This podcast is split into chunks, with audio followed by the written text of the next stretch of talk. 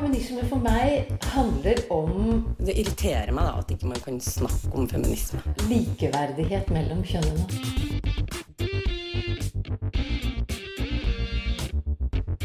Det blikket på kvinnen på film. handlet det om å bli tatt på alvor som jente.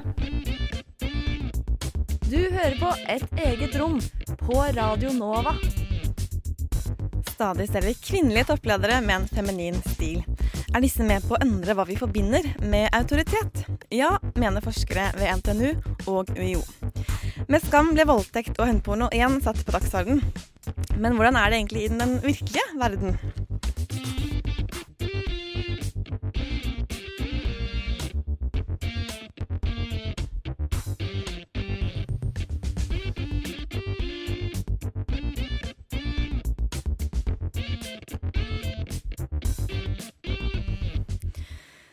Klokken er eh, formiddag, i hvert fall. Klokken ti. Eh, du hører på Radio Nova. Eh, et eget rom. Det er Linda Therese Rosmerg og Lise Aasbø som skal holde deg med selskap denne timen. Og eh, ja, litt, eh, litt forskjellig. Veldig sånn godt blanda sending. Ja, veldig. Litt annerledes enn det vi har hatt det siste halvåret, egentlig. Har ikke noe strukturert tema denne gang. Nå tar vi litt forskjellig og blander det. Ja. Kjører litt repriser. Og snakke om litt uh, forskjellig som vi skjer akkurat her og nå. Ja. ja. Det er siste ordinære sending, Ja. så vi tar litt ferie uh, fram til neste uke. Men ikke helt. Nei. Vi er der fremdeles. Ja. Så følg med i juni, selv om uh, vi sier at det her er litt sånn avslutning. Ja. Ekstrasendinger, kan vi kalle det. Vi tar to ekstranumre fra det, Ja. det her semesteret. Ja. ja, det skjer ganske mye. Den eh, feministiske verden står jo ikke stille. Eller Nei. feministene står ikke stille. Den gjør aldri det, vet du. Her er det bare å fortsette Ja. løpet. Ja. Mhm.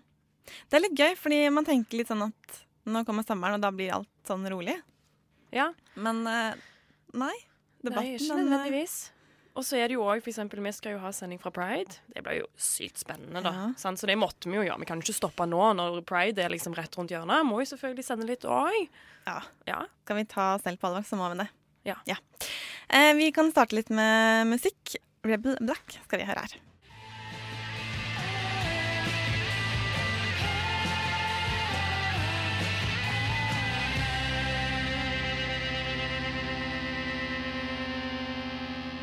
Angelic Milk her på Radio Nova med Rebel Black.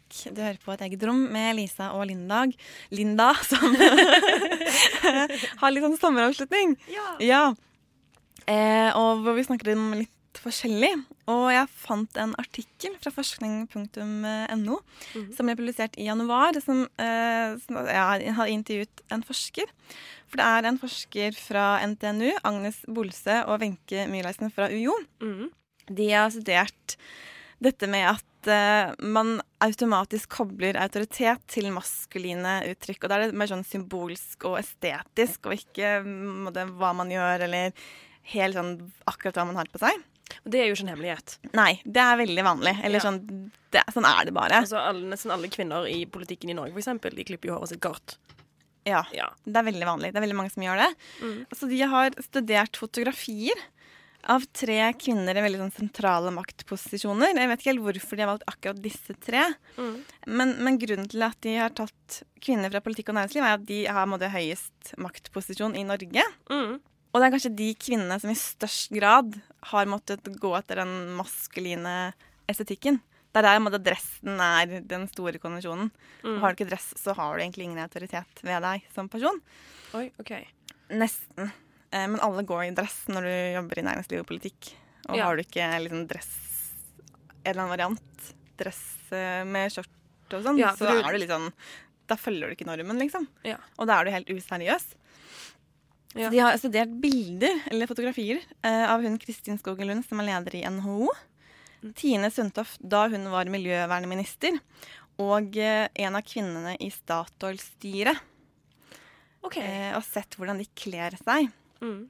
Eh, og hun, de mener at hun i Statoil-styret, Margaret Øvrum, eh, hun har den mest vanlige formen. Eh, hun måtte ta den veldig tradisjonelle maskuline stilen med buksedrakter og sånn, men feminiserer den opp med å sminke og smykker og ha langt hår. Og er veldig sånn Ja, jeg kler meg litt som en mann, men jeg søler meg kvinne, og det skal alle kunne se. Mm. Mens Kristin Skogen Lund hun har den mer radikale stilen, for hun bryter veldig. For hun er veldig feminin på alle bildene. Hun er veldig sånn kvinnelig, og samtidig så er hun virkelig en toppleder med masse makt. Mm. Og da mener de at eh, de er med på å gjøre feminine trekk mer autorative. Mm. Eh, ikke at det alltid er sånn, og at det gjelder for alle kvinner. Men de mener da at eh, når sånne typer kvinner er så feminine, så gjør det at det feminine plutselig begynner å få litt mer sånn altså Det symboliserer ikke så mye maktesløshet lenger. Nei. Og passivitet. Plutselig så begynner det feminine også å bli litt sånn Da har du makt. Du Mm. kan være feminin og ha makt. Og bli sett på som en maktperson. Absolutt. Uten å måtte klippe håret kort. Ja. Og se litt sånn mannlig ut, som hun Tine Sundtoft ofte gjør. Hun Mm. er veldig sånn mannlig. Det er veldig lite feminint ved henne. Ja, det er jo, altså, det er jo superinteressant, da. Og det viser jo hvor viktig det er at det er flere og flere kvinner som bare må opp og fram. Og det er derfor det er jo så viktig at f.eks. USA får en uh, kvinnelig president. Uh, og sånne ting som det. Det er jo superinteressant. Ja, men hun, hun, er, eh, hun er ikke så feminin, hun Clinton. Nei, det er Det er veldig spennende at hun har veldig den Hun er litt mer sånn den mellomposisjonen, på en måte.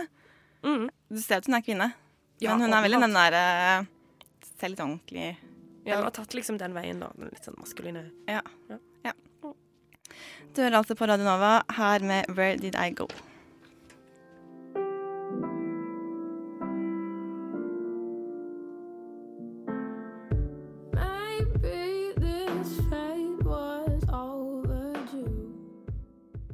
Where Did I Go, Jorja? Jorja Smith?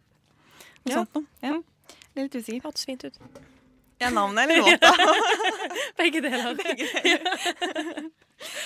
Nå nærmer det seg sommer, ja. og da er det veldig mange som reiser på harrytur. ja, stemmer det.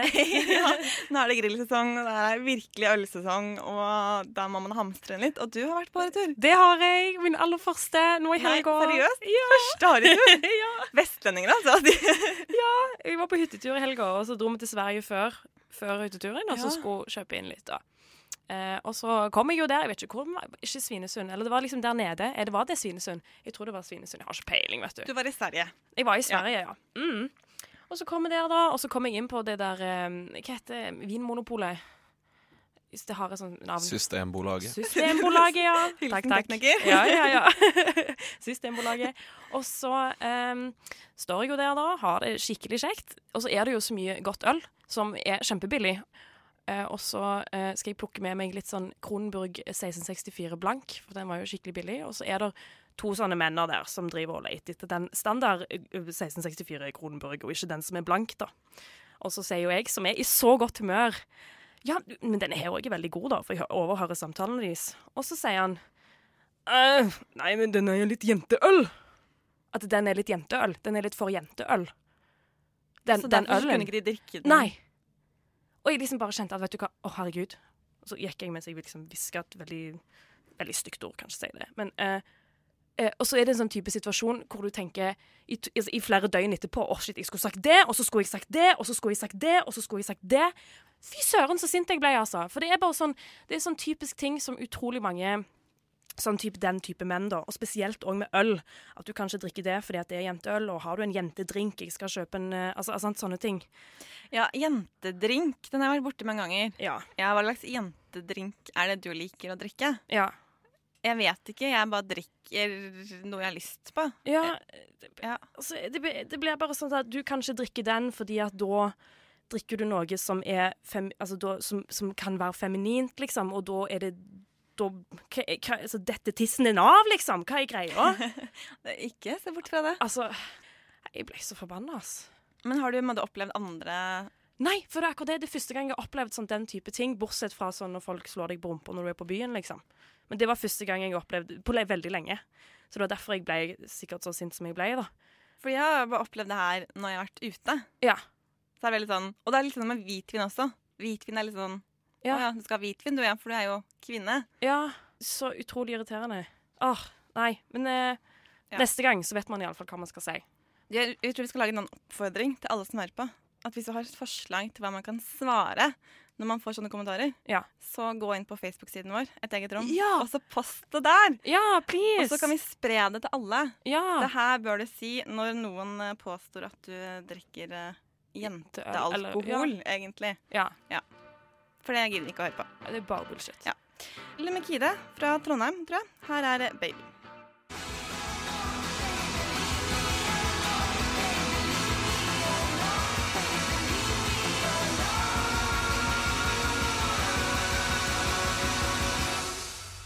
Norske Lumikide, som gir ut musikken sin på Klangkollektivet her med låta 'Baby' fra 2014, hvis ikke jeg tar helt feil. Feminist, a person who believes in the social, political, and economic equality of the sexes. Eget rom. Et eget rom. Et Eget rom. Et eget rom. Et eget rom. Og det er eh, Lisa og Linda som eh, snakker i et eget rom denne her uken. Eh, Og vi har litt sånn sommeravslutning, og da tenkte jeg at vi kunne ta litt sånn tilbakeblikk. For for noen uker siden så snakket vi om eh, økofeminisme. Og da intervjuet vår medarbeider Eline Hystad jentene bak eh, bloggen Grønne jenter om dette med grønn feminisme og rosa blogging om grønne ting. Så vi skal få høre litt om hva disse grønne jentene gjør for å gjøre feminismen grønnere. Vi kan jo begynne med det her at dere kaller dere en grønn rosa-blogg. Hva, hva er en grønn rosa-blogg?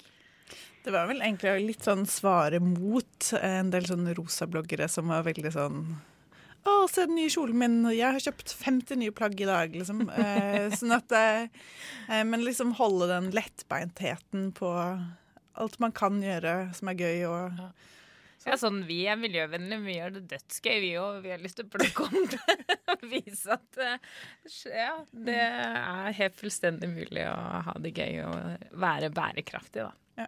Og at uh, man uh, Noen ting funker, andre ting funker ikke. Sånn at uh, det å skrive om sine liksom, mislykka prosjekter, det er også vel så gøy. Ja, så er det jo noe med denne liksom, personlige historien nå, at folk Altså, det var jo også med litt sånn tanke på at du følte at det kanskje mangla litt sånn rollemodeller eh, for unge, da, når det kommer til liksom miljø og bare, altså sånn Jenny Skavlan har jo tatt ganske sånn tydelig standpunkt på gjenbruk, og det er kjempebra, men ellers så er det ofte litt sånn Det er ikke så mange å se til for unge jenter i dag, da. Så da tenkte vi jo selvfølgelig at vi kunne fylle den rollen. Men som når dere er, skal være forbilder eh, for dagens ungdom, hva, er, hva er det dere blogger om da? Jeg har blogget om eh, det å ha kjøpestopp, og det har jeg hatt i to år. Jeg har blogget om eh, hva jeg spiser og ikke spiser.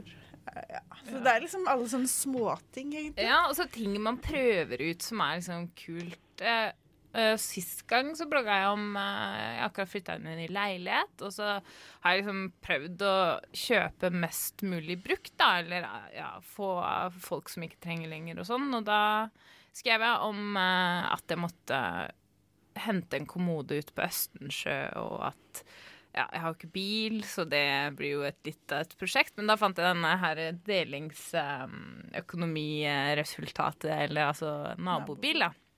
Som uh, funka veldig bra. Så det er litt sånn småting, ting du bare gjør i hverdagen som kanskje er med på å skape bevissthet og gjøre en forskjell, da. Men hvorfor er de her små tingene viktig? Det er vel litt sånn der å eh, ta tilbake den troen på at man kan gjøre en forskjell. Og at alle kan gjøre litt, ikke sånn at man behøver å bli helt sånn fanatiske. Det har vært viktig for oss. Eh, Eller jeg føler jo ofte at man ender i en sånn Hvis man skal snakke om forbruk og hva enkeltindivider gjør, så er det alltid noen som kommer og sier sånn Ja, men Kina er 1,3 milliarder mennesker, og de bygger et kullkraftverk i uka, og det vi gjør, har ikke en dritt å si. Men det som er på ett poeng, det er jo at gjennom det du gjør i hverdagen din, så skaper du holdninger, og du blir mer bevisst, og du automatisk må sette deg inn i problemstillinger du ikke visste noe om, da, og i det så ligger det mye læring. Og det ligger jo også liksom det at ja, hvert andre år eller hvert fjerde år så skal man også gå til valgurnene og stemme på politikere som også kan være med på å skape den endringen, da. Så det er jo litt bare å gi et inntrykk av at vi unge er faktisk opptatt av dette. Mitt utgangspunkt for jeg har vært med siden starten, da Grønland ble starta, var jo egentlig sånn Jeg har jobba veldig politisk med klima og liksom Veldig sånn Å, politikerne må endre ting og sånn. Og så hadde jeg ikke gjort så mye selv, egentlig. Jeg var en sånn jeg hadde et klesskap som var fire meter bredt og, og liksom helt bugna av ting. Og liksom Og så begynte jeg å, å gjøre noen småprosjekter, da. Og så kom liksom ideen om grønne jenter, og at det handler jo ikke om at de små prosjektene man gjør, ikke er politiske. Man kan jo både være liksom jobbe med forbruk politisk og gjennom hva man gjør selv. Sånn at eh, vi er nok ikke sånn at nei, politikk har ikke noe å si. Det eneste Ja. har hva for, forbrukeren sier. Det er heller ikke så Det er sånn Det er jo alltid en ting imellom der, liksom. Og så tror jeg nok at uh, det jeg vet ikke, Når man har satt seg litt inn i hva klimaendringer handler om, og miljøproblemer og alle de tingene som skjer på jorda som bare er litt sånn ute av kontroll, så tror jeg at uh, man kan fort oppleve en sånn stor maktesløshet da, som er veldig kjip å føle på noen ganger. Og da syns jeg bare at det hjelper litt å bare føle sånn da. Så putter jeg den uh, bananskallet i den grønne posen, og så er det bare litt bedre. Da, sånn der, eller at, ja, at man ikke kjøper nye klær, men at man arrangerer byttekvelden med jentene. Og så har man fått bidratt litt, da, for ellers så føler man vel ofte at uh, ting skjer på et veldig sånn høyt politisk og abstrakt nivå, og det blir veldig vanskelig å ta det inn i eget liv, da. Hva tenker dere om det her med klima og feminisme, da? Som vi prøver å snakke litt om. Hvordan kan det henge sammen? Ja, altså, jeg tror jo, eller jeg har liksom tenkt litt på det der med at feminisme det handler jo om ulikhet og urettferdighet, da. Og det er jo på en måte det miljøkampen også handler om, ulikheter mellom dagens generasjoner, framtidige generasjoner, nord og sør. Og ja, miljøet, at liksom arter går forsvinner på bekostning av menneskelig atferd, da. Og samtidig så, ja det, Jeg tror at klimaet angår alt. Altså sånn, og det, mye tyder jo på at kvinner er kanskje de som blir ramma ekstra hardest i mange land nå, da. Men sånn for vår del så tror jeg det handler om også hva slags press unge jenter føler på i dag. Og, um, og veldig mye av den derre at man skal se sånn ut og ha disse tingene, og en slags sånn idé om det perfekte pliktoppfyllende, pliktoppfyllende jenta, da. Ja, som forbruker helt enormt, og som For å være så perfekt så må man forbruke Ja. Det er jo liksom det, den, det bildet som rosabloggere ofte skaper, da. Av at mange glemmer kanskje Og de har enormt mye lesere, og mange glemmer kanskje at de aller fleste tingene de presenterer der, har de fått betalt for å presentere, og at de er en markedsføringskraft eh, først og fremst, da. Og at man må liksom være litt bevisst på det, at man ikke skal føle at man ikke strekker til fordi man ikke har de rette tingene. Men heller liksom finne litt tilbake til hva du faktisk blir lykkelig av å gjøre, da. Og det Altså, tror jeg så en del sånn Jenter kan kjenne litt på det eh, Ikke skam nødvendigvis, men en litt sånn derre oh, jeg er engasjert, men jeg skal liksom være så lettbeint. Sånn at det å liksom stå for sitt engasjement, da, det tror jeg har vært ganske viktig for meg. At liksom jeg er kjempeengasjert og sover dårlig om natta eh, fordi jeg tenker på klima og miljø. Og det, det jobber jeg med, liksom. Og det, det er greit. Det, og det er greit. Eline Hyste hadde intervjuet Johanne og Siri fra bloggen Grønne jenter tidligere i år. Litt mer musikk nå fra B-lista. Pauline, 'Too Late to Change the Past'.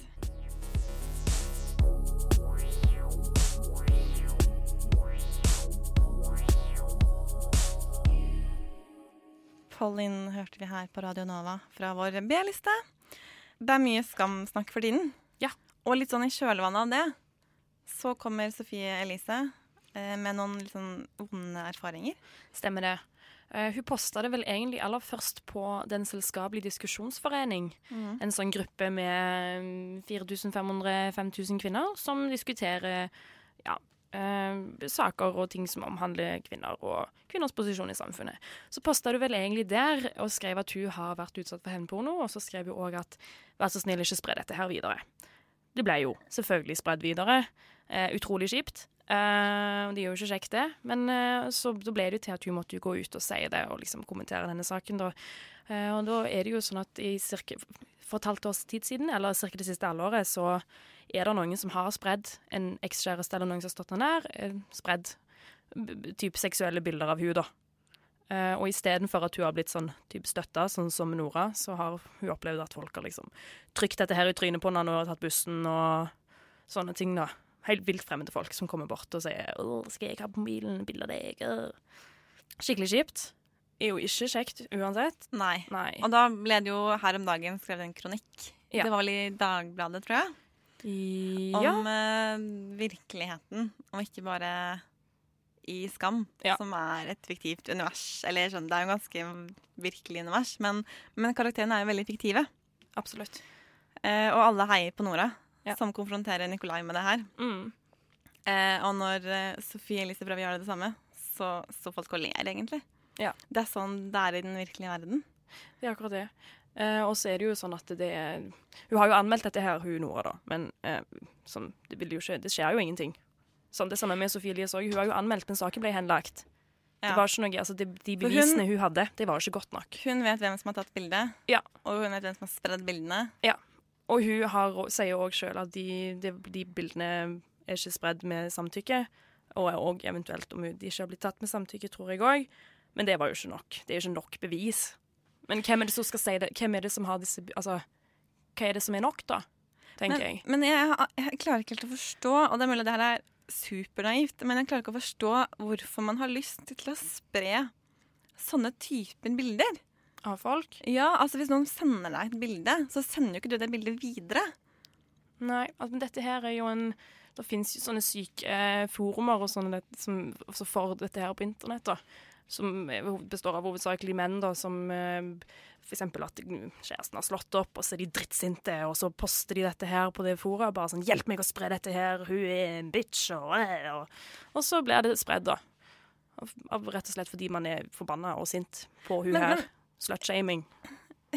Altså, ja, jeg ser jo det, ja. men, men disse mennene som er her For det skjer jo ikke bare Sofie Elise, som er en veldig offentlig person. Det skjer jo helt vanlige kvinner. Ja.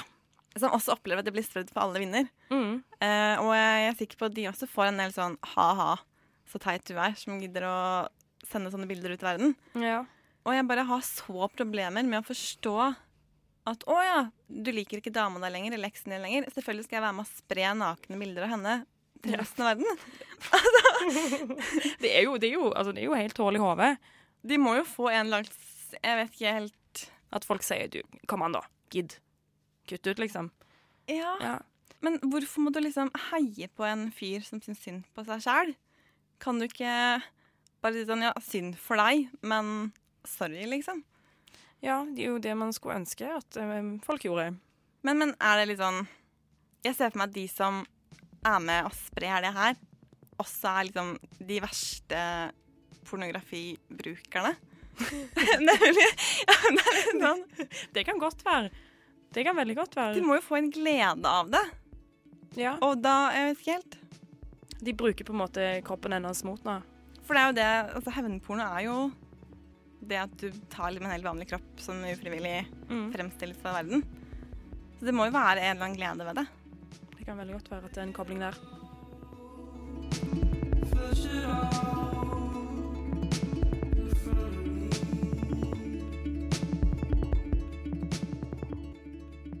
Britiske Favla med låta 'Gong' hører du her. Tidligere i år så snakket vi om kvinner i film. Eh, Det er jo, nå er det kvinner i Skam man snakker om, da. Eh, Og de har blitt hyllet veldig i Skam for både sine roller og sine temaer. Eh, Vi har tidligere sett litt på indisk film og hvordan kvinner portretteres der. Farger, dans, musikk og melodramatiske kjærlighetshistorier. Disse elementene har gjort den indisktalende kommersielle filmen gjenkjennelig i store deler av verden. Og for å forstå kvinnen i denne filmtradisjonen, må man forstå Bollywood. Bollywood er en stor filmindustri, med 800 til 1000 filmer i året. Og det kommersielle aspektet er i stor grad rådende. Det å trekke et stort publikum er en av de store drivkreftene i filmproduksjonen. Samtidig moderniseres India i høyt tempo, med sterk påvirkning fra Vesten, også når det gjelder vestlig populærkultur og film. Og fra Vesten så kommer det også et annerledes kvinnesyn, som for mange kommer i konflikt med Indias tradisjonelle syn på kvinnen. Og nettopp denne konflikten mellom vestlig påvirkning og østlige tradisjoner har i flere år blitt problematisert i mange av filmene. I et narratologisk perspektiv kan den unge kvinnen i Bollywood-filmene deles inn i tre typer. Kvinnen portretteres enten som den dydige, hengivne og lojale kvinnen som vinner helten til slutt i filmen. Som den eventyrlystne og uavhengige vampen, ofte sammenlignet med den vestlige verden. Eller som kurtisane, en slags mellomting mellom tradisjonelle verdier og den mer frie vampen. Bollywood-filmen er ofte sentrert rundt moralske spørsmål, og gjerne om kvinners rettigheter og muligheter. Det gjør at den av flere er blitt sett på som oppdragende og moralsk veiledende overfor publikummet sitt. Moralen er ofte at kvinnen i filmen må leve etter mer tradisjonelle normer skal hun bli lykkelig. Bryter hun disse normene, fremstilles hun som egosentrisk og kald, og blir gjerne straffet for handlingene sine. En utfordring med det, sett fra et vestlig øye, er at moralen ofte er regulert etter hva man tror at publikum vil finne populært. Og hvem er publikummet? Massepublikummet i India er arbeidere, med enten liten eller ingen utdannelse. Majoriteten er menn, og de ser film kun for å underholdes. Ikke for å få utfordret tradisjonelle normer. Når kvinnerollen formes etter målet om å trekke mest mulig publikum, mener filmskaperne Shagufta og Sadiki at karakterenes handlinger ofte er med å forklare om en film flopper eller blir en hit. For hvis publikum ikke godtar handlingene og det moralske aspektet i filmen, skal det ifølge Sadiki mye til for at filmen ikke blir en stor flopp. Kjennetegn ved Bollywood-filmen er at den ikke er realistisk. Shagufta mener derfor at det eksisterer en forventning om å portrettere mindre virkelighetsnære kvinner. Kvinnen skal være en blanding av tradisjonelle verdier og en mer moderne kvinne med glimt i øyet og passelig forførende blikk og gester. Hun skal være den typen kvinne som mennene ikke kan få, men samtidig lengte etter. Samtidig tror hun at også kvinnepublikummet ønsker å se en kvinne som de kan lengte etter å være. Den sterke føringen når det gjelder kjønnsroller, har også sammenheng med stjernestatusen til skuespillerne. De aller største stjernene det er menn, og det er disse filmene i stor grad kretser rundt. Det gjør at kvinnens oppgave i større grad er å kaste glans over den mannlige skuespilleren. Og stjernestatusen gir nok en utfordring for kvinnen i Bollywood-filmen.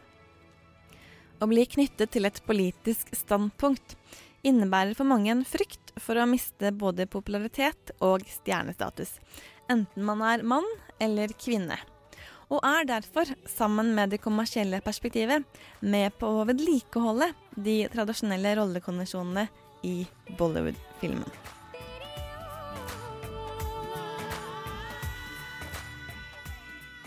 Et eh, lite pek bakover til da vi snakket om kvinner og film her i et eget eh, rom. Litt mer eh, musikk. Tusen takk. Vi skal ha litt norsk musikk her. med båten Nei, med låten 'Lakrisbåter'.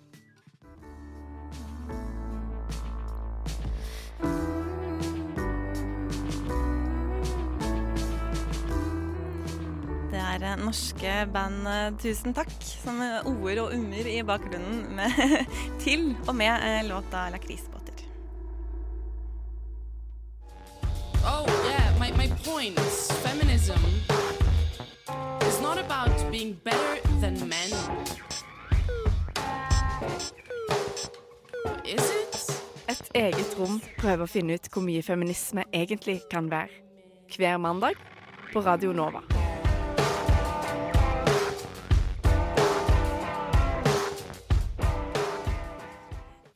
Vinter så kom eh, likestillingsminister Solveig Horne unnskyld, med en likestillingsmelding. Eh, litt sånn i det skjulte. Vil ikke ha så mye oppmerksomhet. Fikk litt kritikk her. Nei, det er liksom typ tima med en stor hendelse, og så var det det minste rommet på Stortinget, liksom. Ja, det var noe sånt nå. Men eh, i, i våres, da, for ikke så lenge siden, så kom det en rapport eh, i forbindelse med det her som har sett på hva som har skjedd på likestillingsfronten i årene 2010 til og med 2015. Ok. Eh, da får man tallene, rett og slett.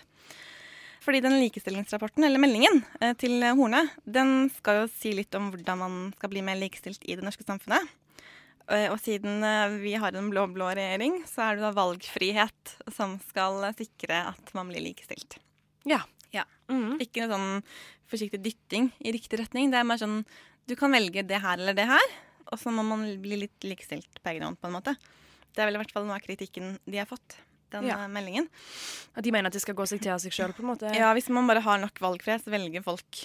Og da, når folk velger, så da er det valgene som styrer, da. Eller sånn. At de vil velge kvinner, for eksempel, eller um, i topplederstillinger. Ja. Det er i hvert fall valgfrihet, og ikke sånn sånn her skal det være regler og kvoteringer og sånn. Ja, ok.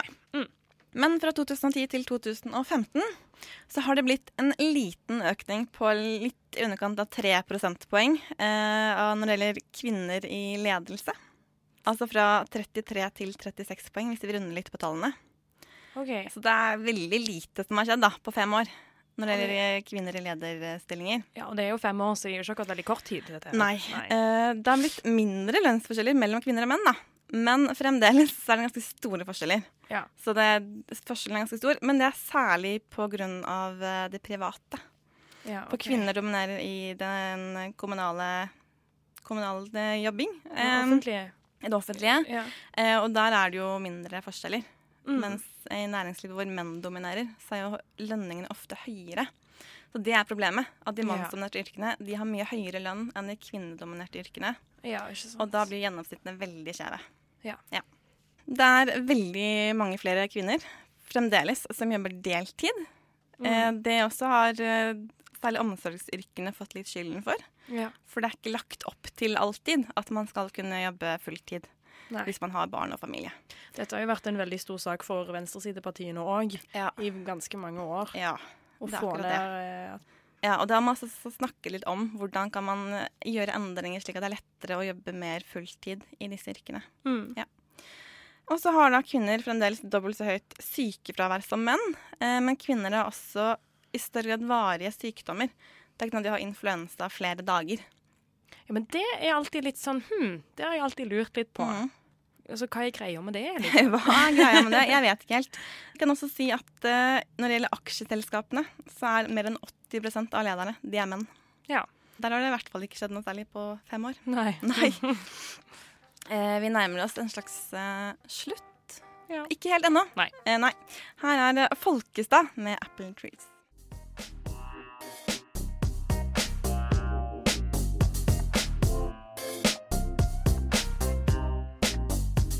Lisa danser til Folkestad med Apple Trees her i studio. veldig òg. Det ble veldig funky akkurat. Ja. Du hører altså på et eget rom den siste ordinære sendingen før to litt sånn ekstra sendinger sånn på tampen. Mm. Mens alle andre tar litt ferie. Ja. Ja. Men denne sendingen, hvor vi har hatt litt sånn oppsummeringer og snakket om litt sånn løst og fast, så har det vært Lina Therese Rosmerg og Elisa Aasbø som har vært i studio.